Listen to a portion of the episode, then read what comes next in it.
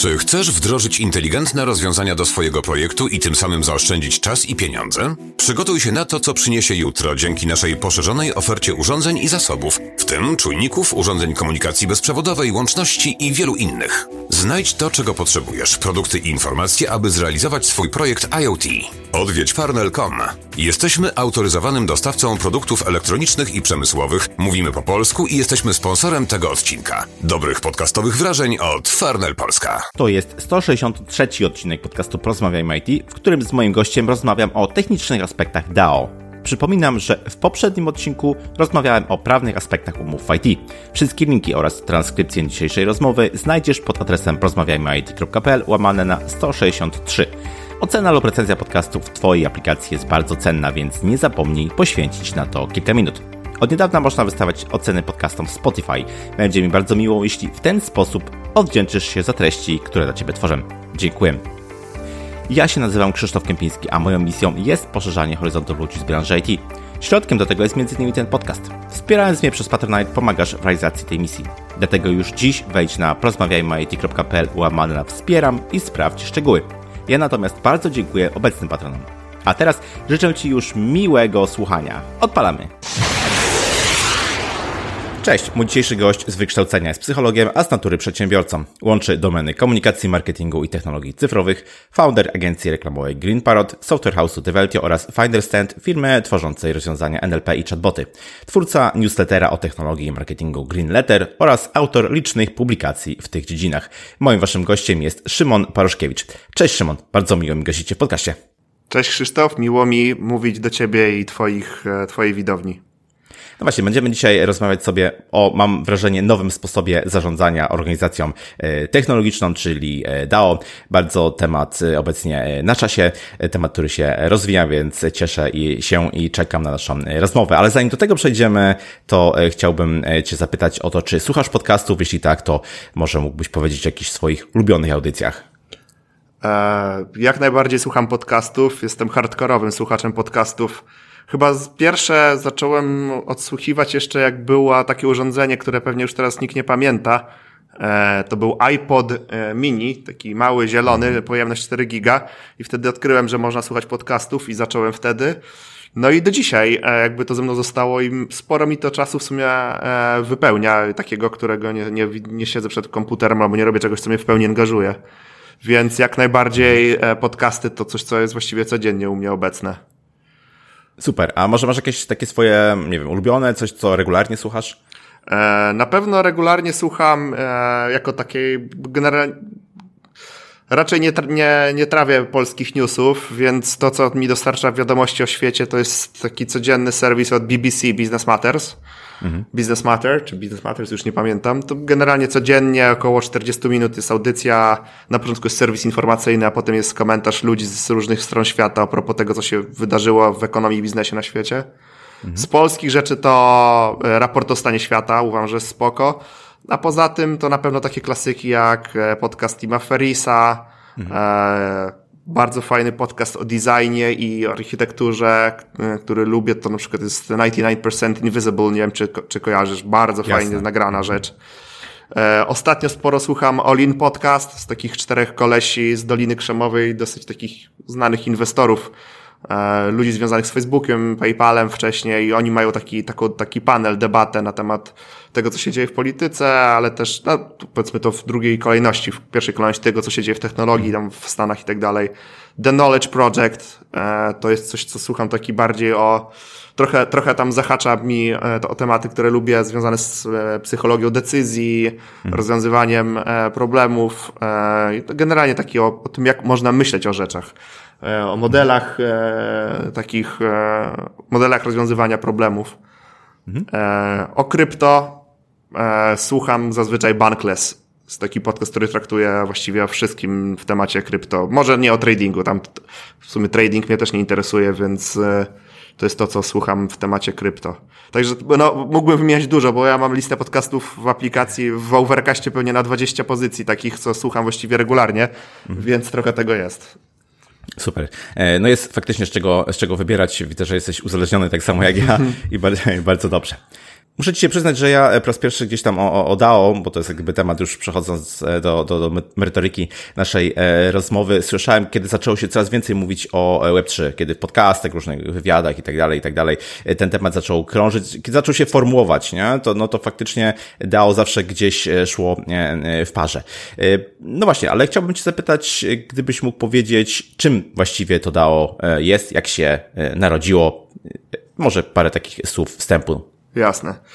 Ja DAO postrzegam jako e, taką technologię, która wspiera e, ludzkie możliwości koordynowania się i robienia razem e, rzeczy wspólnie.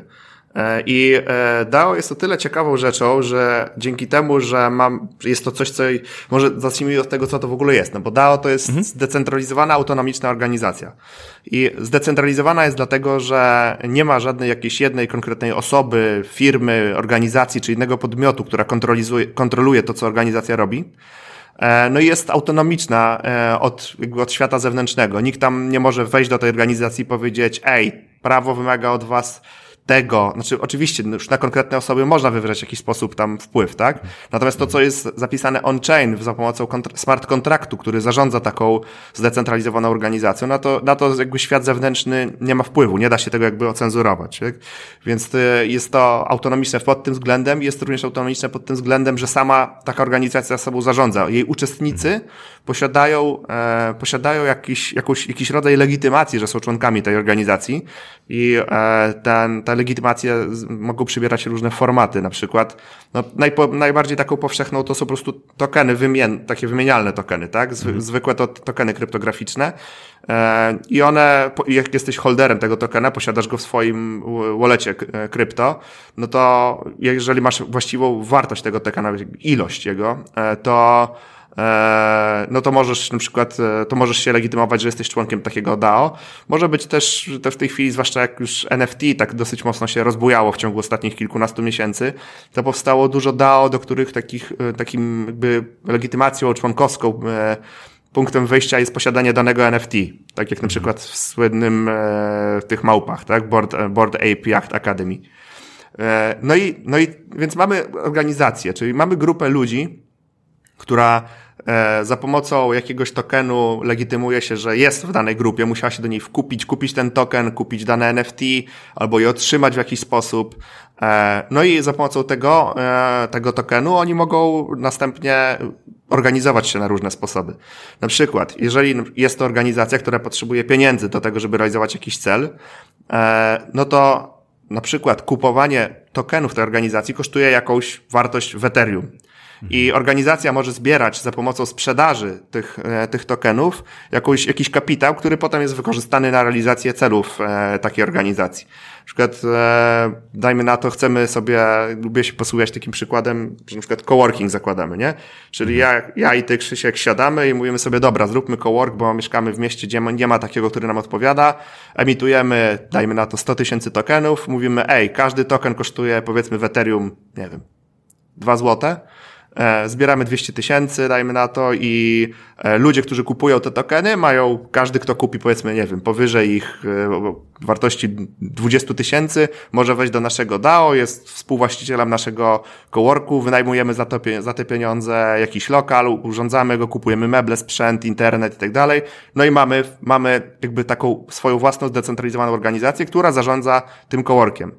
Ale mhm. mogą być to też rzeczy, które zarządzają czymś totalnie wirtualnym, jak na przykład są e, dosyć duże e, takie DAO, zdecentralizowane organizacje, które na przykład zajmują się inwestowaniem w, w krypto, różne asety, w, w startupy krypto. Czyli tu z kolei mamy taki przykład, e, na przykład, znowu, ja i Krzysiek siadamy, mamy trochę grosza, postanowiliśmy założyć taki nasz fundusz inwestycyjny oparty o blockchain. Otwieramy go na innych, mówimy, każdy może przyjść, kupić, e, kupić e, jakby udziały w tym funduszu, one kosztują tyle, zbieramy na przykład, nie wiem, milion dolarów i inwestujemy w pierwsze parę tam jakichś małych spółeczek krypto i jak one rosną, no to inwestujemy zazwyczaj poprzez zakup tokenów tych spółek, mhm. czyli nasze DAO posiada tokeny, znaczy spółek, tych tych krypto, tych kryptobiznesów. No i jak te tokeny zyskują na wartości, no to tokeny naszego DAO zyskują na wartości, możemy je sprzedać, zlikwidować i jakby zrealizować zysk takiego naszego funduszu inwestycyjnego. Więc tutaj jakby pokazuję takie dwa proste przykłady, właściwie dwa czy trzy, e, bo tak samo można kupować NFT, tak? Robimy zrzutkę na to, żeby kupić jakieś NFT, które na rynku są drogie, bo wierzymy, jesteśmy głęboko przekonani, że to pójdzie w górę i na przykład to jest nasz sposób na zarabianie pieniędzy. Kupujemy, skupujemy te NFT, kiedy zrealizujemy cel, na przykład, że nie wiem, wartość danej, danej kolekcji poszła dwukrotnie w górę, czy tam dziesięciokrotnie, sprzedajemy e, dane NFT, nasze DAO realizuje w ten sposób jakiś tam swój zysk. Mhm. Więc e, DAO to mówiąc krótko, i to co łączy wszystkie te scenariusze, o których tu powiedziałem, to po pierwsze blockchain, bo robimy to wszystko za pomocą tokenów i, i, e, i ufamy sobie, chociaż możemy się nie znać, możemy nie znać swoich nazwisk, peseli, nawet swoich twarzy możemy nie widzieć, ale jeżeli skomitowaliśmy się do danego DAO ze naszymi tokenami, to to jest dostateczne, dostateczne zabezpieczenie dla tej, dla tej organizacji. Więc to jest jedna rzecz, która nas, która łączy te wszystkie e, use cases DAO.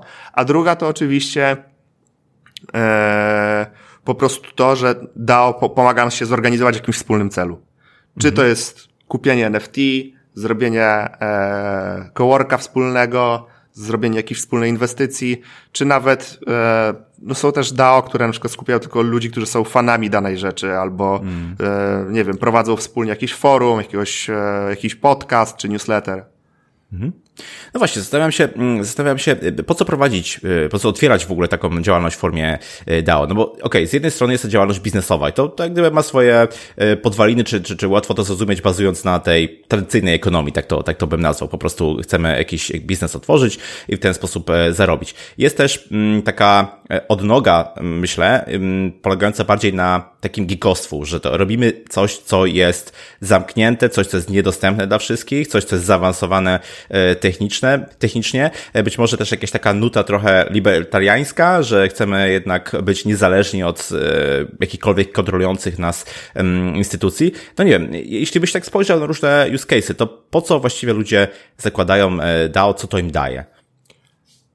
Um, po pierwsze, można, no to jest, wiesz, to jest, tak jak słusznie zauważyłeś, DAO jest jak z firmami, więc tak jak firma czy organizacja może mieć milion powodów, dla których ludzie ją zrobili, tak samo może być z DAO. E, na pewno jest to, co, da, to, co, to, co dało, dało, dało DAO ludziom, to na pewno to, że po pierwsze jest trustless, czyli jakby nie musimy budować jakichś e, zewnętrznych narzędzi e, kontrolujących nasze zaufanie i nasze zachęty do tego, żeby zachować się poprawnie, no bo sam ten token powinien w dobrze zaprojektowanym DAO wymuszać, wymuszać to, że no, że musimy ufać drugiej stronie w jakiś sposób taki typu pokaż mi swój dowód osobisty, zarejestruj się w KRS-ie i tak dalej nie? Mhm. To jest jedna rzecz. Druga rzecz jest taka, że możesz, że DAO są totalnie e, globalne. Nie, niezależnie od systemu prawnego, waluty, w której, e, której używasz, e, tak jak powiedziałeś, te wartości libertaria, liber, liberalne e, są bardzo istotne, mhm. czyli na przykład, nie wiem, w kraju, w którym nie wolno na przykład w jakiś sposób się organizować ze względów ideologicznych, politycznych, ekonomicznych czy jakichkolwiek innych, to DAO jakby przekracza te granice. Wystarczy, że masz dostęp do internetu i nikt ci nie jest w stanie ocenzurować czegoś takiego jak, jak DAO, nie? Mhm. Więc to jest jakaś na pewno duża wartość. W świecie zachodu, gdzie e, póki co jeszcze trochę swobody mamy, wydaje mi się, że e, DAO daje e, mega dużą szybkość. W sensie dużo szybciej możesz kupić udziały w takiej organizacji, dużo szybciej możesz się sprzedać, jest to dużo płynniejsze. E, masz równie, no DAO do tej pory cieszą się jeszcze dosyć dużą swobodą, nie jest to tak uregulowane, to się pewnie zmieni i pewnie, i pewnie słusznie, że się zmieni, no bo im większą rolę będą miały tego typu organizacje w naszym społeczeństwie, w naszym życiu, tym, tym pewnie będzie większa, e, większa potrzeba jakiegoś tam uregulowania tego, tego wszystkiego. E, więc to są takie podstawowe funkcje, które widzę, takie, które są ekskluzywne dla DAO, nie można tego zrobić za pomocą firmy w tej chwili, nie?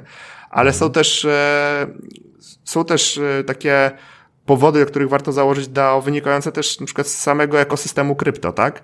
Jeżeli, jeżeli na przykład chcesz wypuścić, e, wyp tworzysz jakiś projekt, na przykład NFT, w który, którym w przyszłości chcesz w ramach tego projektu stworzyć coś więcej niż same te tokeny, które wypuściłeś, czyli nie wiem, zrobili tak jak no klasycznie Teraz milion projektów powstało, które e, na przykład, nie wiem, tworzyły różnego, mają stworzyć różnego rodzaju gry na podstawie tych tokenów, które tych, na przykład postaci, które są na tokenach, które będą potem do użycia w ramach gry, tak? Więc mhm. DAO pozwala potem regulować takie community. Jest powiedzmy, nie wiem, 5000 uczestników takiego community, no i oni jakby są takimi early adapterami dan danej społeczności, danego produktu, który w przyszłości ma się wydarzyć w postaci gry komputerowej, jakiegoś czegoś, co founderzy tych projektów często nazywają metaversem, moim zdaniem trochę na wyrost. To jak chcesz to jakoś tą grupę ludzi jakoś w jakiś sposób organizować, dać im trochę władzy, dać im zachęty również, żeby działali na rzecz tego projektu, no to właśnie możesz zrobić DAO. To im da e, możliwość głosowania za pomocą swoich tokenów na to, e, co w danym, danej grze, czy danym produkcie, danej usłudze, która jest tworzona, można zrobić. E, więc to są takie bardziej już związane z czysto crypto native, takimi e, mhm. funkcjonalnościami, które, które można wykorzystać w DAO do tego, żeby dany projekt krypto e, miał większe jakby uczestnictwo e, społeczności, która, e, która jest pierwszymi użytkownikami i współtworzy dany produkt, daną usługę. Mhm. Jasne. Okej, okay, podałeś e, wiele przykładów mm, firm, organizacji, które coś tworzą, albo w takiej wersji fizycznej, albo w wersji bardziej e, cyfrowej. A spójrzmy na, nie wiem, nazwałbym to kreatywne jednostki, na przykład agencje marketingowe, na przykład software house'y. Mhm. Czy, czy tam DAO ma sens? Ewentualnie co daje tego typu podmiotom? E, wydaje mi się, że DAO ma mega sens dla wszystkich ludzi, którzy którzy w jakiś sposób się organizują, żeby dowieść konkretny albo, albo jakiś produkt, produkt, usługę kreatywną, albo mhm. jakąś e, czysto taką intelektualną rzecz, typu fragment kodu na przykład, albo aplikację. Dlatego, że e, jak wszyscy wiemy i w ogóle w, w, teraz w paru u nas w agencji mamy całą jedną komórkę, która pracuje nad tym, żeby e, zacząć pracować właśnie nad takim, takim czymś w rodzaju DAO dla, e, dla obszaru e, agencji reklamowych. E, nazywamy to na razie Agency on Demand, tak, taki ma kryptonim, powiedzmy to, czy mental shortcut taki ma, mamy na, na to, co, co teraz tam tworzymy. E, uważam, że wszędzie tam, gdzie kilka osób może się zebrać, żeby do, do, dowieść taką usługę, DAO jest super rzeczą, dlatego że e, dostarcza ona takiego, takiego rusztowania zasad, e, w jaki sposób można rozliczyć taki projekt, w jaki sposób ci ludzie mogą się zebrać w team projektowy, w jaki sposób powinni się rozliczyć w ramach takiego teamu projektowego, w jaki sposób klient może się rozliczyć z, całą, z całym takim teamem, czy z platformą na przykład, na której zaistniało coś takiego. E, jest, e, jest taki e, projekt, który już w tej chwili działa. Oni robią głównie projekty na potrzeby tego świata krypto. To się nazywa Ride Guild bodajże. Czekaj, sprawdzę to sobie. Mhm. Tak, rideguild.org, można sobie zobaczyć, to jest właśnie przykład takiego, takiego kolektywu ludzi, którzy założyli DAO i oni na przykład dostarczają usług związanych z tworzeniem rozwiązań krypto e, za pośrednictwem swojego DAO.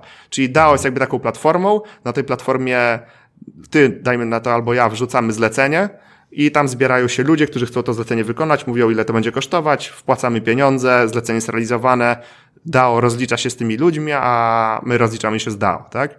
Czyli to jest jakby taki, wyobraźmy sobie, nie wiem, taki Upwork, tylko że należy do społeczności i e, są niższe fee dzięki temu. E, no i włas własność nad, e, nad wartością tego brandu, jakim jest e, taki Upwork społecznościowy, jest rozłożona na uczestników e, tej społeczności. Więc e, my powoli w agenturze pracujemy nad e, właśnie takim rozwiązaniem. Wydaje mi się, że to jest jak najbardziej przyszłość tego, jak będą świadczone usługi kreatywne. Może nie jest to przyszłość za rok, za sześć miesięcy, za dwa lata, ale na pewno jest to przyszłość. I e, no, może teraz, może teraz krypto dostanie trochę czkawki, no bo jednak e, kryzys ekonomiczny, który wystąpił w, i, i w krypto i zresztą na całym rynku, e, jeszcze pewnie w tej chwili go ludzie i firmy tak bardzo nie odczuwają. Dużo się o tym mówi na razie w mediach i, i ludzie biznesu o tym dużo mówią, natomiast mhm. obywatele z, jakby szer, szer, szeroko pojęci pewnie dostaną w prezencie e, e, efekty tego kryzysu bardziej na, na jesieni czy tam zimą ale i, i to pewnie się od, odbije trochę na tym, w jaki sposób ta adopcja DAO i te, tego typu kryptorozwiązań, jakie będzie miała tempo, ale nie mam wątpliwości, że będzie to przyszłość tego, jak wygląda, jak wygląda zarządzanie e, tego typu organizacjami. No muszę przyznać, że to brzmi naprawdę e, ciekawie. E, nie miałem jeszcze okazji współpracować e, z nikim, kto by działał w podobnym modelu, dlatego żeby lepiej zrozumieć, jak gdyby, jak to, jak to działa faktycznie od środka, to, to może porównajmy dwa takie modele. Tradycyjny model software house'u mhm. i właśnie taki model powiedzmy oparty na, e, na DAO. I spójrzmy na takie bardziej przy, przyziemne rzeczy, jak właśnie codzienna praca, nie wiem, generowanie zysków, udział e, w, w pracy i w zyskach programistów. Gdybyś mógł takie porównanie przeprowadzić, tak ono by mogło wyglądać. E, bierzmy pod uwagę tylko jedną rzecz, że takie porównanie jest dosyć abstrakcyjne, bo ja na przykład nie znam żadnego software house'u, który już obecnie mhm. działa w taki sposób. Najbliżej tego jest to, co przed chwilą wymieniałem, tą nazwę Right Guild, to, bo oni tam też robią software, no smart kontrakty i na rozwiązania takie pod krypto, e, no jest jak najbardziej software. Natomiast takiego stricte software house'u, jak w ogóle rozumiemy to w, Polsce, w ogóle to chyba jest tak dosyć śmieszna rzecz, bo nie wiem, czy gdzieś poza Polską się używa sformułowania w ogóle software house. E, natomiast e, jeśli miałby porównywać, to, to bierzmy pod uwagę, że to jest dosyć syntetyczne jednak mimo wszystko. Więc pierwsza podstawowa różnica moim zdaniem jest taka, że w DAO każdy, e, kto pracuje na rzecz danej organizacji, jest jednocześnie współwłaścicielem. Więc e, każdy ma z punktu wejścia ma udziały w czymś takim. E, więc jeżeli firma czy dane DAO nazywajmy, nazywajmy to firmą, bo jest to po prostu rodzaj firmy, czy organizacja rośnie na wartości, jej brand rośnie na wartości, to ty jako uczestnik tego brandu również zyskujesz na wartości, ponieważ dzierżysz tokeny tej organizacji, a zatem potencjalnie jesteś nastawiony, masz swoje jakby na e, ekspozycję na upside tego, co się wydarzy, oczywiście też na downside. Jeżeli, jeżeli e, organizacja zrobi coś kiepskiego i a kupowałeś tokeny po 100, a teraz kosztują po 20 i zrealizujesz swoją stratę, no to jest, no właśnie się wystawiłeś na to, że no jest na, na, na negatyw tej, tej całej sytuacji. Mhm. Na pewno jest tak, że e, człowiek pracujący w DAO, dla DAO, może e, mieć jasny e, udział w, war, w wartości, którą generuje.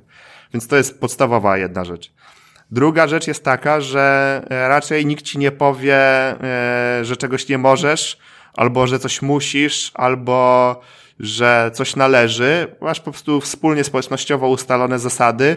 Jeżeli chcesz coś zrobić, to możesz kupić więcej tokenów, spróbować coś przegłosować. Możesz, no, generalnie masz taki większy wpływ jako jednostka, tak? Mhm. Eee, jest to, łączą się z tym również wszystkie negatywy takiego potencjalnego DAO, czyli całe, całe negatywne brzemię demokracji, która e, może, może stanowić czasami problemy w zarządzaniu e, firmą. I wydaje mi się, że to jest w ogóle jeszcze przed, przed DAO-sami wszelkimi cała droga do weryfikacji, co można zostawić demokratycznym wyborom, a co należałoby robić za pomocą jakichś bardziej takich, e, nazwijmy to elitarnych decyzji mhm. wybieranych mniejszą grupą ludzi, na przykład, nie wiem, jakichś delegatów takiego DAO, którzy są czymś w rodzaju zarządu.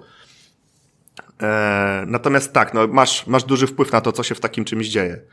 E, kolejna rzecz jest taka, że w DAO e, dobrze zaprojektowane DAO y, nagradzają y, pozytywne zachowania.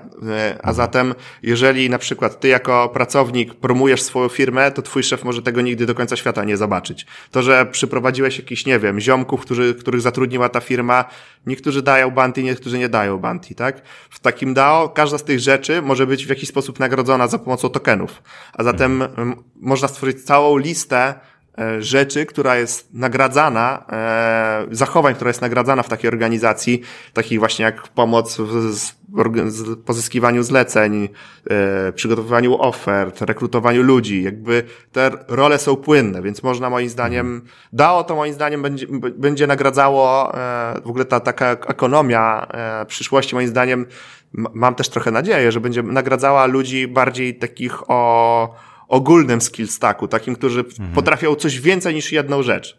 Że człowiek będzie takim bardziej trochę człowiekiem renesansu może dzięki DAO. Przynajmniej tak tego bym sobie życzył, bo wydaje mi się, że taka totalna specjalizacja jest trochę e, no nie, nie jest to moim zdaniem totalnie mhm. korzystne tak i, i dla jednostki i, i społecznie. Więc e, DAO jeszcze jest, tym, czym się różni od zwykłej organizacji, to na pewno e, transparentnością Czyli mhm. wiesz, jakie zapadają decyzje, wiesz, e, dlaczego coś zostało zrobione. Większość istotnych decyzji podlega e, głosowaniu, więc e, wiadomo, w, jaku, w jakim kierunku to zmierza i w, no, wiesz więcej na temat organizacji, w której uczestniczysz jako jej członek. Wydaje mi się, że to jest e, bardzo duża wartość i to jest dla ludzi, którzy sobie cenią tego typu wartości, no bo nie ma co tutaj ukrywać, że to, to jest jakiś też osąd takiej wartości. Musisz sobie odpowiedzieć na pytanie, czy tego typu e, działalność jest, leży w twojej naturze i to ci się podoba. Niektórzy ludzie po prostu chcą pójść w jakieś miejsce, posiedzieć w tym miejscu 8 godzin, poruszać myszką i wyjść z pensją, tak? To pewnie DAO nie jest dla tych ludzi. Dla ludzi, którzy Jasne. chcą coś więcej, to wydaje mi się, że to będzie bardzo fajne, bo to daje to właśnie tą transparentność, niezależność i otwartość, która, która w no, zwykłych firmach nie jest zbyt rzeczą powszechną. Mhm. Cieszę się, że e, mówisz, że to nie jest rozwiązanie na każdy problem e, i że to też jest rozwiązanie, które musi dojrzewać, które musi się 100%. uczyć na swoich błędach, nie? My jesteśmy, e, jeszcze tak. sorry, że ci, ale to hmm? warto na, moim zdaniem powiedzieć jedną rzecz. Pamiętajmy o jednym rzecz. Krypto jest nie w przedszkolu, krypto jest w żłobku. My jeszcze nic nie potrafimy tak naprawdę dobrze zrobić z tym krypto e, i z DAO też. E, nie wiemy, co nas czeka, jakie jeszcze błędy są do popełnienia. Nawet popełniliśmy, środowisko jakby community krypto popełniło ileś błędów. To jest naprawdę jeszcze mikrototalny ułamek tego, co jeszcze zostanie schrzanione w najbliższym czasie i jakie wnioski zostaną wyciągnięte i w którą stronę to, to wszystko pójdzie. Pamiętajmy, że w ogóle liczba osób, która na przykład, nie wiem, ma, wszyscy mówili już ostatnich kilkanaście miesięcy o NFT, nie? DAO jest jeszcze mniejsze niż NFT. DAO to jest ułamek ułamka, ale pomyślmy sobie o tym, czym jest NFT. NFT to jest kilkaset tysięcy ludzi na całym świecie raptem. Tak. To jest nic. To jest, nic. to jest średniej wielkości miasto w Polsce. Tyle ludzi na całym świecie posiada NFT. Mhm. No to prawda, prawda, jesteśmy bardzo wcześnie jeszcze. E, no właśnie, ale wiesz, rozmawiamy tutaj, mówimy o tym, że DAO jest czymś, co narodziło się niedawno. No, no de, fa de facto tak, w takiej formie, w jakiej znamy DAO teraz, no to de facto jest, no nie wiem, miesiące, mógłbym właściwie powiedzieć, tak, kilkanaście miesięcy być może, o ile, o ile, o ile nie, nie nawet, e, nawet mniej. I wiesz, patrząc na to, jak się rozwija e, w ogóle ten, ten ruch, no to oczywiście widzę, że są popełniane e, błędy, nie zawsze się na tych błędach uczymy, no normalna rzecz. Podobne zachowania, czy podobny w ogóle efekt widzę, obserwuję w przypadku też firm polskich, które działają w oparciu o zarządzanie turkusowe, czy w ogóle całą, całą holokrację, całe podejście e, turkusowe, które też jest jakimś tam rozwiązaniem, jest e, pewną metodą zarządzania, czy samozarządzania wręcz, bo tak się o tym mówi. Zastanawiam się, czy DAO nie jest przypadkiem takim przedłużeniem, ewolucją albo jakąś nowoczesną formą właśnie zarządzania turkusowego. Jak ty to widzisz? Czy to są dwie zupełnie różne podejścia do tego samego tematu? Nie, nie, nie mogę tego do końca dobrze porównać i adekwatnie, ponieważ ja nie znam wytycznych tego, czym jest zarządzanie turkusowe i co kryje się pod tą wspaniałą kolorystyczną nazwą.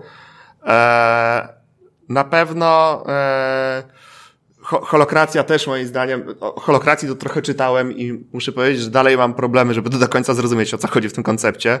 E, na pewno e, DAO może być dowolną z tych rzeczy. W tym sensie, że jeżeli zaprojektujesz w taki sposób DAO, że e, emitujemy token i na przykład, nie wiem, robimy DAO, które ma handlować używanymi samochodami, whatever. I emitujemy token, w którym, e, który, za pomocą którego zbieramy kapitał na to, żeby zacząć realizować taki projekt. E, no i e, w samym kontrakcie i w ogóle w zasadach tego DAO mówimy, to jest DAO w tym sensie, że emitujemy token i wybieramy zarząd. I ludzie E, mogą wybrać zarząd i to jest tyle, ile, ile mamy demokracji w naszym DAO. To wciąż można powiedzieć, że to jest DAO, natomiast jest tam, działa to zupełnie jak zwykła firma, w której po prostu można wybrać prezesa takiego DAO, czy osobę, która ma kompetencje zarządcze, na przykład, nie wiem, na okres pięciu lat, wybrali ją, go holderzy tokena tego, tego, tej organizacji. I ten człowiek może nią zarządzać w najbardziej e, zamordystyczny e, po prostu sposób i męczyć ludzi, którzy pracują na rzecz takiego DAO i, i robić w ogóle masę nieładnych i niefajnych rzeczy, a dalej jest to DAO, on dalej jakby został wybrany w demokratyczny sposób i to zadziałało, zadziałało wszystko tak, jak zostało zaplanowane, nie? Mhm. Możemy zrobić e, zamordystyczne samochody.pl i, e, i nasze DAO będzie handlowało używanymi autami i będziemy zarządzać tym jak e, swoim królestwem, w którym mamy stuprocentową władzę na okres pięciu lat. Nie? Aha. Więc e, możemy zrobić tak, możemy zrobić bardziej w sposób otwarty, demokratyczny, być może właśnie turkusowy, jeśli, jeśli to, to, to słowo, którego, którego szukamy. Natomiast co do zasady, e, DAO jest tym, czym, czym stworzy je dana społeczność. Mhm. Okej, okay, czyli wewnętrznie może to, to, działać w różny sposób, ale są pewne techniczne e, aspekty, które mniej lub bardziej muszą być spełnione, żebyśmy w ogóle mogli mówić, e, że mamy do czynienia tak. z DAO. I teraz chciałbym Cię właśnie poprosić, żebyś powiedział o tych technicznych aspektach, nie po to, żeby bardzo mocno je zgłębiać, ale żeby w ogóle wskazać tą powierzchnię, na jakiej się poruszamy. Mhm. No, e, jakbym, jakbym myślał na temat elementów takich podstawowych technicznych, które są niezbędne, żeby DAO mogło powstać, no to po pierwsze musimy wyjść z jakiegoś takiego pierwszego elementu, które, na którym napiszemy kontrakt tego, tego naszego DAO, którym jest po prostu blockchain. Większość w tej chwili DAO jest e, osadzona na blockchainie Ethereum, ale nie wszystkie. Są, już, są również organizacje, które są na e, różnych e, po, tych layer 2 robionych i nawet na innych chainach. E, Ethereum jest najpo, najpowszechniejsze po prostu. Więc najpierw mamy ten blockchain, który jest takim podstawowym policjantem i sędzią pilnującym e, zapisu, ile masz to, ty masz udziału w danym DAO, ile masz tokenów, ile ja mam, ile nasi znajomi, ile, ile inni uczestnicy. E, na, w takim kontrakcie, który jest zapisany i zabezpieczony przez blockchain, bo to jest druga wartość, druga, mhm. drugi element, który jest niezbędny, to smart contract, który opisuje, jak dane e, DAO, w jaki sposób na przykład e, podzielona jest w nim władza, w jaki sposób e, możemy głosować, ile jest jeden token wart głosów, czy może głosy są proporcjonalne, czy, czy nieproporcjonalne. Czyli tutaj mamy takiego, tu, tu mamy taką, takim, taki, taką umowę spółki jakby, tak? Smart mhm. contract, który jest napisany na, który jest osadzony na, na blockchainie, powiedzmy Ethereum, opisuje w jaki sposób e, fundamentalne zasady funkcjonowania takiej organizacji mają przebiegać i one są zazwyczaj regulowane przez trzeci niezbędny element, który wynika z, z smart kontraktu, czyli przez token. No i mamy tutaj dwa rodzaje DAO, tak jak już wspominałem wcześniej. Takie DAO, które są wspierane przez tokeny wymienne i takie, które są wspierane przez NFT, czyli non-fungible token, czyli te unikalne tokeny. E, I e, no i za pomocą tych tokenów ludzie po pierwsze się legitymują, że są członkami danego DAO, że na przykład mają nie wiem, 20 tysięcy tokenów naszego DAO, to od tego, od tego e, od, te, od tego poziomu powiedzmy ktoś jest e, głosującym pełnoprawnym członkiem lub na przykład posiadają NFT. I, i, i każdy posiadacz holder, e, każdy holder NFT może głosować e, w takim DAO. Więc tu mamy jakby takie trzy podstawowe warstwy, bez których no, nie możemy mówić, że coś się zdało, jeśli tego nie ma. Kolejne rzeczy już są bardziej takie, powiedzmy, dodatkowe, na pewno by się przydało jakieś narzędzie do głosowania, tak żeby nie wszystkie, nie wszystkie też głosowania muszą być robione on-chainie, wszystkie muszą być, nie wszystkie głosowania mają taką totalną e, wagę, że musi być e, do danego głosowania podpięty fragment kodu, który zostanie wyegzekwowany, jeżeli społeczność podejmie decyzję. Niektóre bardziej miękkie rzeczy można głosować off-chain, tak żeby nie ponosić za każdym razem również opłat związanych z e, tego typu administracją. E, więc jakieś rozwiązanie typu snapshot na przykład może być na miejscu, które pozwala zbierać e, informacje, czego chce dana społeczność, jakie decyzje chcą podjąć, w którą stronę ma organizacja płynąć. E, kolejne takie elementy takiego, powiedziałbym, może nie, to nie jest do końca stack technologiczny, ale takiego, takiego stosu, które pozwala funkcjonować takiemu, takiemu, takiej organizacji, to na pewno jest Discord mhm. który Discorda pewnie słuchacze w większości znają. Jak ktoś nie zna, no to jest to po prostu taki Slack, tylko że jakby dla graczy. No i tak się, tak się akurat składa, że bardzo sobie upodobali ludzie z krypto i właśnie szczególnie z od DAO Discorda jako narzędzie do komunikacji, do ustalania, co organizacja ma dalej robić i tak dalej. Więc Discord jest często bardzo wykorzystywany. No na pewno Twitter jest takim, taką tubą każdego DAO, tak? Chyba nie ma DAO, który nie ma profilu na, który nie miałoby profilu na Twitterze, gdzie mówi zarówno członkom, jak i ludziom spoza organizacji, jakie są plany, co chcą zrobić. To jest takie, powiedzmy, narzędzie PR-owo-marketingowe, podstawowe. To na pewno Twitter w, w tym ekosystemie funkcjonuje w tej roli.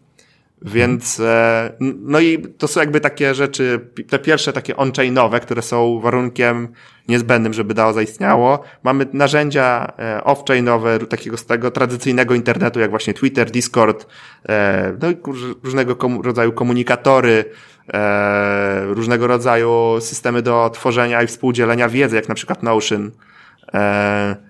To są rzeczy takie techniczne, które pomagają w realizacji celów takiego DAO, czy zwykła strona internetowa oczywiście również. E, no i mamy trzeci element, czyli ten element taki społeczny, czyli to musi być grupa zorganizowanych zorganizowanych ludzi, którzy mają jakiś wspólny cel, do którego dążą. Niektórzy, niektórzy mówią, że DAO to jest nic innego niż forum internetowe ze wspólnym kontem bankowym, nie? Masz hmm. grupę ludzi, która chce coś wspólnie osiągnąć i e, DAO daje to możliwość, żeby z zarejestrowania spółek, organizacji, stowarzyszeń, fundacji i tak dalej, ta grupa ludzi może mieć wspólne konto i, i zebrać te środki i realizować za, za pomocą tych środków swój cel. Mhm. Więc tak bym wskazał jakby niezbędne elementy tego, co, co czyni DAO właśnie decentralizowaną organizacją technologicznie. Mhm.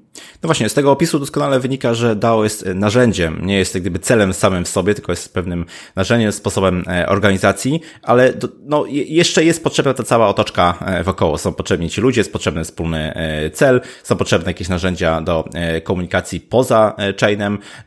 Po prostu DAO jest jakimś tam klockiem, oczywiście odpowiednio dużym, ale pewnym elementem całości. No właśnie, a chciałbym na chwilkę jeszcze wrócić do tych problemów niemowlęcych, tych przypadłości niemowlęcych, e, tych, tych rozwiązań i zapytać Cię o to, jakie są ryzyka, jakie są zagrożenia związane e, z DAO, czy przypadkiem ten brak e, centralnej odpowiedzialności, takiego wiesz, centralnego zarządzania. Gdzieś na końcu dnia w tradycyjnych organizacjach to CEO, to zarząd bierze na siebie właśnie odpowiedzialność, to prezes bierze odpowiedzialność za te, za te e, decyzje. Jak to jest tutaj? Czy, czy, czy, czy mm, to nie jest pewne zagrożenie, czy to nie jest pewne, pewna, e, pewne ryzyko, właśnie ta anonimowość? Na pewno e, można powiedzieć, że jest to swego rodzaju ryzyko i, i, i zagrożenie. E, z drugiej strony, nie wiem, jak się cofniemy do takich czasów 2008-2009 e, i całego kryzysu i, i ilości nadużyć, na przykład e, robionych przez instytucje finansowe, Mhm. I czy prezesi tych instytucji poszli do więzienia, czy zostały wyciągnięte wobec nich konsekwencje jakieś karne? No chyba nie. Więc tam wydaje mi się, że w scentralizowanych organizacjach ta odpowiedzialność to też z nią bywa różnie. Chociaż o, o tym można oczywiście dyskutować. Na pewno, e, na pewno e, jak ktoś chciałby użyć takiego argumentu, to może powiedzieć, że to jest nie ok w DAO, e, że nie ma jednej odpowiedzialnej konkretnie osoby, ale wydaje mi się, że to się wkrótce zmieni już w niektórych miejscach na ziemi. Można jako DAO na przykład kupić nawet ziemię czy nieruchomość, bodajże jest to stan na przykład Wyoming w USA. Wydaje mi się, że na Malcie e, tego typu organizacje mogą już posiadać e, różnego rodzaju asety, takie tradycyjne. Więc, mhm. e, aczkolwiek to trzeba, należałoby sprawdzić z prawnikiem, bo za, to, za te informacje nie ręczę. E, natomiast e, potencjalnie tak, może być to jakieś zagrożenie, chociaż moim zdaniem ono jest mało istotne. Bardziej mhm. istotnym zagrożeniem moim zdaniem jest e, takie IT security. E, czyli DAO powinno mieć kontrakt i wszystko to, co jest on-chain zrobione dla danej, dla danej organizacji, powinno być e, dobrze przeaudytowane i powinno być zrobione przez naprawdę dobrych ludzi, którym się ufa i najlepiej tam sprawdzone jeszcze przez inny team dobrych ludzi, którym e, się ufa, żeby tam nie było błędów, które które narażą taką organizację w perspektywie dłuższego czasu, jak ona na przykład zyska już dużo na wartości, na jakiś bardzo e, duży hack, który na przykład będzie w stanie ukraść tę wartość. Mhm. Anonimowość krypto powoduje, że jeżeli ktoś nam rąbnie nasze krypto, no to taką osobę znaleźć jest, jest to możliwe, ale jest to bardzo trudne. Więc, yy, więc wydaje mi się, że największym zagrożeniami, największymi zagrożeniami, jakie płyną tak naprawdę z uczestnictwa i tworzenia DAO, to jest zapewnienie odpowiedniego, e, info, in, odpowiedniego e, IT security dla całego projektu. To jest mega ważne. E. Trzeba również przemyśleć bardzo mocno e, ekonomię i e, tak, czy tam tokenomię, jak to się mówi w krypto, takiego DAO, żebyśmy nie padli ofiarą własnego również, własnej kreacji. W tym sensie, że na przykład stworzymy ekonomię, w której jakaś grupa ludzi będzie mogła przejąć dla celów, które nie realizują interesów całej, całej społeczności, takie DAO i za pomocą źle zaprojektowanej tokenomii systemu głosowania coś takiego może, e, może mieć miejsce. E, więc wydaje mi się, że to są e, takie zagrożenia z mojej perspektywy najistotniejsze na obecną chwilę, które, które widzę spłynące z tematów DAO. Natomiast jak chodzi o odpowiedzialność taką w świecie Fiat, takim świecie rzeczywistym tych organizacji, to na razie nie widzę jakichś takich większych problemów. E, może jestem zbytnim optymistą, ale wydaje mi się, że to będzie spokojnie w pewnym momencie uregulowane i nie będzie stanowiło kłopotu. To te, IT security wydaje mi się, że to haki potencjalne, źle zaprojektowane tokenomie, które są potem przejmowane przez aktorów, którzy nie do końca działają na rzecz społeczności jako całości, to są rzeczy, które moim zdaniem trzeba przewidywać i się z nimi liczyć. E, a jak się moim zdaniem przed tym uchronić? E, chyba najlepiej w taki sposób, żeby nie robić od razu, e, czy zależy co się, co, się, co się tworzy. Wydaje mi się, że wiele DAO może powstawać w ten sposób, że najpierw tworzy się zwykłą, taką tradycyjną organizację, która mhm. potem stopniowo jest uwalniana, otwierana jest najpierw na społeczność, a na koniec może stać się już zdecentralizowaną w pełni, w pełni, e, w pełni e, taką jednostką, która samo, samą sobą zarządza. Więc od mhm. centralizacji takie przejście do decentralizacji. Wydaje mi się, że to jest dosyć ciekawa droga, jeśli chcemy zrobić coś w sposób bezpieczny i rozsądny. Mhm. Okej, okay. a gdybyś mógł e, poradzić słuchaczom, kto powinien się zainteresować tą tematyką? Czy to bardziej jest domena przedsiębiorców, startupowców, nie wiem, liderów w software house'ach, osób zarządzających, czy też może szeregowych deweloperów? Kto powinien tutaj tym tematem się według Ciebie zainteresować? Moim zdaniem temat jest ciekawy dla każdej osoby, która e, lubi budować rzeczy, w których musi być, w których budowie musi brać udział grupa ludzi. Mhm. Jeżeli, jeżeli jesteś rozczarowany, a wydaje mi się, że wiele osób jest e, rozczarowanych e, tym, jak funkcjonuje większość współczesnych organizacji, w jaki sposób są zarządzane, jak rozkładana jest odpowiedzialność, w jaki sposób kto zbiera nagrody za osiągane efekty i tak dalej, to wydaje mi się, że DAO może być ciekawym rozwiązaniem.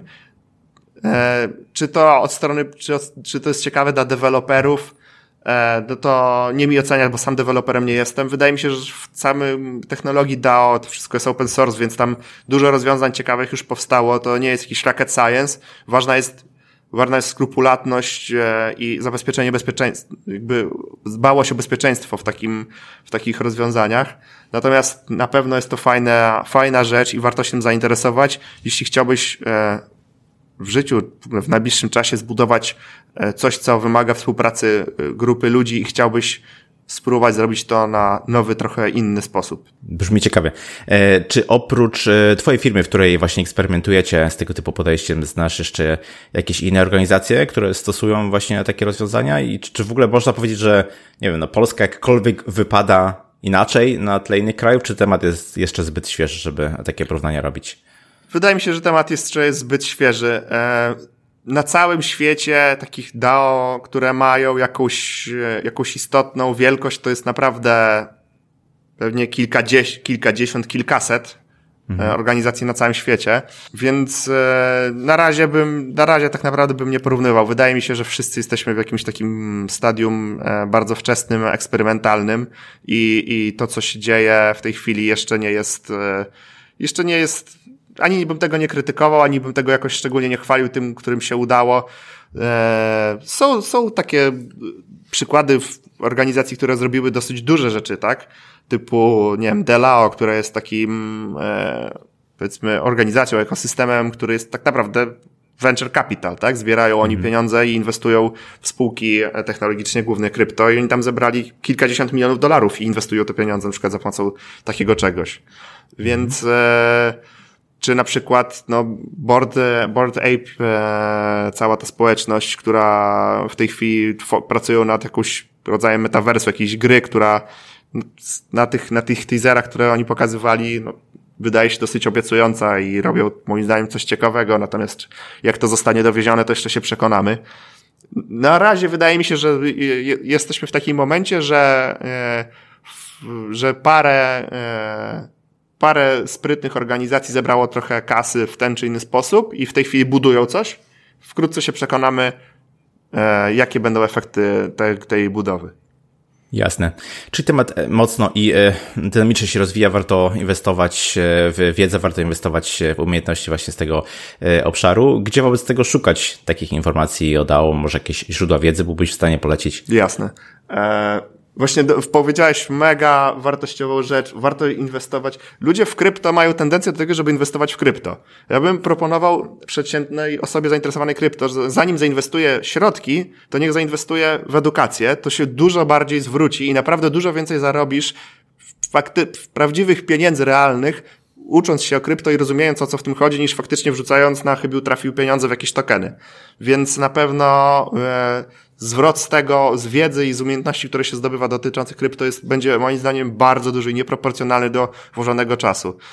Mhm. Gdzie bym zaczynał? No nie, nieskromnie mogę po, polecić e, nasz newsletter, Green Letter, gdzie dosyć często piszemy coś o krypto i na naszym blogu też czasami się pojawia trochę. Jest tam takich, takich basicowych artykułów, postów jest kilka, które, o których można wyjść i poczytać właśnie, co to jest, takich podstaw, co to jest DAO, co to jest NFT i tak dalej, więc to moi, no polecę po prostu e, siebie trochę jako źródło.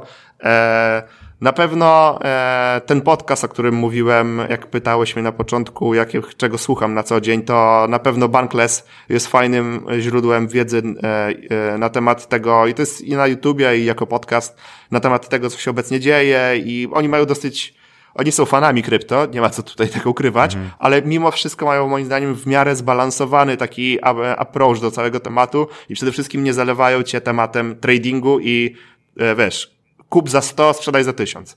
Hmm. E, więc e, to jest moim zdaniem e, fajny punkt wyjścia. E, no Google jest zawsze fajnym punktem wyjścia do dowiadywania się na ten temat. E, natomiast jak za, zacznie się zacznie się od takiego rzecz, miejsca jak na przykład Bankless, czy nasz blog, czy e, e, no, generalnie blog, czy Twitter. Twitter jest mega dobrym miejscem do mhm. uczenia się na temat krypto. To, e, to od razu tymi linkami, które, bo to, to jest jeszcze wciąż zamknięte środowisko, tak jak kiedyś 100 y, lat temu blogi były, każdy miał na swoim blogu blogrola i tam miał blogi swoich ziomków i tych, których poleca, nie? To coś takiego tak. dalej jeszcze występuje właśnie w tej chwili w świecie krypto i oni są bardzo mocno zlinkowani ze sobą ci ludzie, więc jak tam się wpadnie na dzień, to można mieć e, ścieżkę linków na kolejne, na kolejny miesiąc, więc e, przeszukanie e, Twittera pod kątem tematów krypto. Na przykład jest taki mega gość, e, który nazywa się Balaji. On chyba ma e, handle na Twitterze at Balaji. On ma bardzo ciekawe przemyślenia na temat krypto, takie głębokie i on na pewno linkuje do wielu rzeczy, w których naprawdę można pogłębić wiedzę. Blog Witalika Buterina jest mega dobrym starting pointem i on też tam rozprawia się czasami z bardzo skomplikowanymi rzeczami, E, ale pisze moim zdaniem w dość przystępny sposób i można z tego sporo. Vitalik jest twórcą Ethereum, tak na marginesie. E, można sporo, sporo dowiedzieć się z tego i jak traktować jako taki punkt wyjścia. No i kolejną jeszcze fajną rzeczą z krypto jest to, że każdy projekt, który powstaje ma coś takiego jak white paper. Czyli taki e, PDF kilkustronicowy, kilkunastostronicowy, który opisuje o co chodzi w projekcie, E, e, wyjaśnia pojęcia, którymi się posługuje dane, dane przedsięwzięcie. No jest taki, to jest taki jakby artykuł naukowy, on ma nawet format, tak zazwyczaj, jak jest dobrze zrobiony, to ma format takiego artykułu naukowego, jaki znamy, nie wiem, z, z badań eksperymentalnych. I on opisuje o co chodzi w, w danej organizacji i, i to jest chyba najlepsze miejsce, żeby dowiadywać się na temat tematów krypto. Super, dzięki za te wartościowe e, wskazówki. E, świetnie. E, moim gościem dzisiaj był Szymon Paroszkiewicz z Green Parrot. Rozmawialiśmy o technicznych aspektach DAO. Szymon, bardzo Ci dziękuję za poświęcony czas, za podzielenie się wiedzą, doświadczeniami. Dzięki Krzysztof i e, miejmy nadzieję do usłyszenia jeszcze w przyszłości. Dokładnie, ale zanim się rozłączymy, to poproszę Cię jeszcze, żebyś powiedział, gdzie Cię można znaleźć w internecie, może wskazał kilka miejsc, do których można do Ciebie odesłać. E, najprościej jest napisać do mnie na szymon małpa greenparrot.pl. E, odpisuję y, chyba na wszystkie maile, które ktoś zadaje mi pytanie, jakiś ma problem, czegoś się chce dowiedzieć, to spokojnie może pisać do mnie e, na maila. E, jestem też e, no, na pewno na, na blogu naszym, na greenparrot.pl. E, na Twitterze, jakby chciał mnie ktoś złapać, to mój handle jest at greenparrotnow. Także to byłoby chyba najprostszym sposobem, żeby się do mnie dostać. Świetnie. Oczywiście wszystkie linki będą w zace do odcinka. Jeszcze raz cieszyłam bardzo. Dziękuję, udanego dnia. Do usłyszenia. Cześć. Dzięki. I to na tyle z tego, co przygotowałem dla Ciebie na dzisiaj. Po więcej wartościowych treści zapraszam Cię do wcześniejszych odcinków. A już teraz, zgodnie z tym, co czujesz, wystaw ocenę, recenzję lub komentarz w aplikacji, której słuchasz lub w social mediach. Zawsze możesz się ze mną skontaktować pod adresem krzysztof.porozmawiajmy.it.pl lub przez media społecznościowe. Ja się nazywam Krzysztof Kępiński, a to był odcinek podcastu Porozmawiajmy IT o technicznych aspektach DAO. Zapraszam do kolejnego odcinka już wkrótce. Cześć! Bądź przygotowany na to, co przyniesie jutro z Farnell. Twój dostawca komponentów do projektów IoT i sponsor tego odcinka. Odwiedź nas na farnell.com.